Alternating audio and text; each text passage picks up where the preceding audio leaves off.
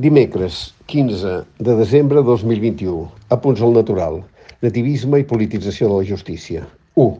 Una tendència inquietant. Diu Jürgen Habermas que avui, com demostra la pandèmia, la consciència bascula cap a un estat defensiu.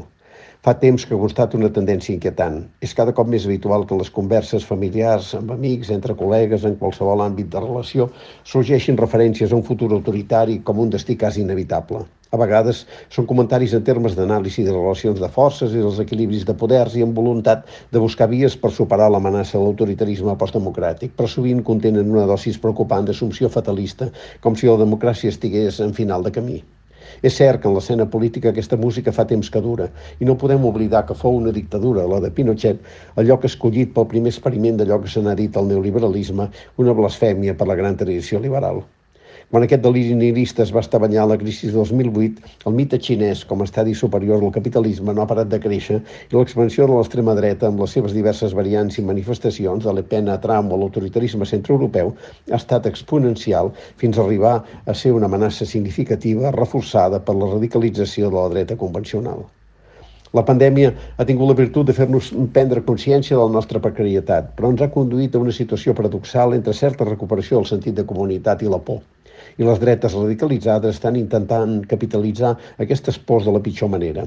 Tres sociòlegs francesos, Christophe Ortessi, Jean-William Duivandec i Aurélien Taché, en un llibre recent parlen de nativisme, la concepció de la societat que refusa la igualtat entre els ciutadans i proposa classificar-los per ordre d'arribada i proximitat mm, ètnica, religiosa o cultural, que s'expressa en les conductes fòbiques i en el rebuig de la immigració i que s'allunya de qualsevol idea democràtica i republicana que reconeix la igualtat dels ciutadans independentment de la seva condició.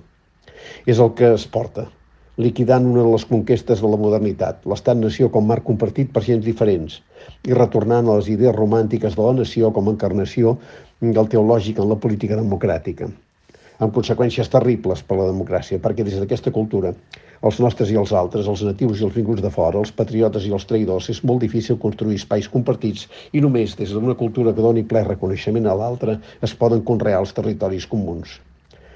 Dos, del declivi. El resultat és que els debats es desnaturalitzen des del primer moment, perquè en lloc de plegar informació i avaluar els problemes en la seva complexitat es viu l'escarni de la conversió de l'anècdota en categoria de les imputacions infundades de la manca de dades objectives. De fet, no es volen solucions, es volen tensions perquè aquestes alimenten els que no volen acords. Ho veiem aquests dies amb l'anèssim desplegament mediàtic contra la immersió lingüística. Com que les dades objectives no afavoreixen el seu relat, es construeixen episodis de victimització i tanmateix en troben ben poques mm, per negar qualsevol balanç objectiu de la política d'immersió i de cantar el problema d'un sol cantó, pretenint contra tota evidència que el castellà està en risc, on segueix sent amplament majoritari i ho fan amb un recurs que la dreta ha convertit en hàbit a la democràcia espanyola, per molt que alguns no vulguin veure, que és la judicialització de la política que els porta a transferir sistemàticament a la justícia tot allò que no els agrada. I no ens equivoquem. La feina de la justícia és aplicar la llei davant de situacions delictives, no resoldre els impasses que la política no és capaç d'afrontar. Nativisme i judicialització. Així declinen les democràcies i triomfen els autoritarismes.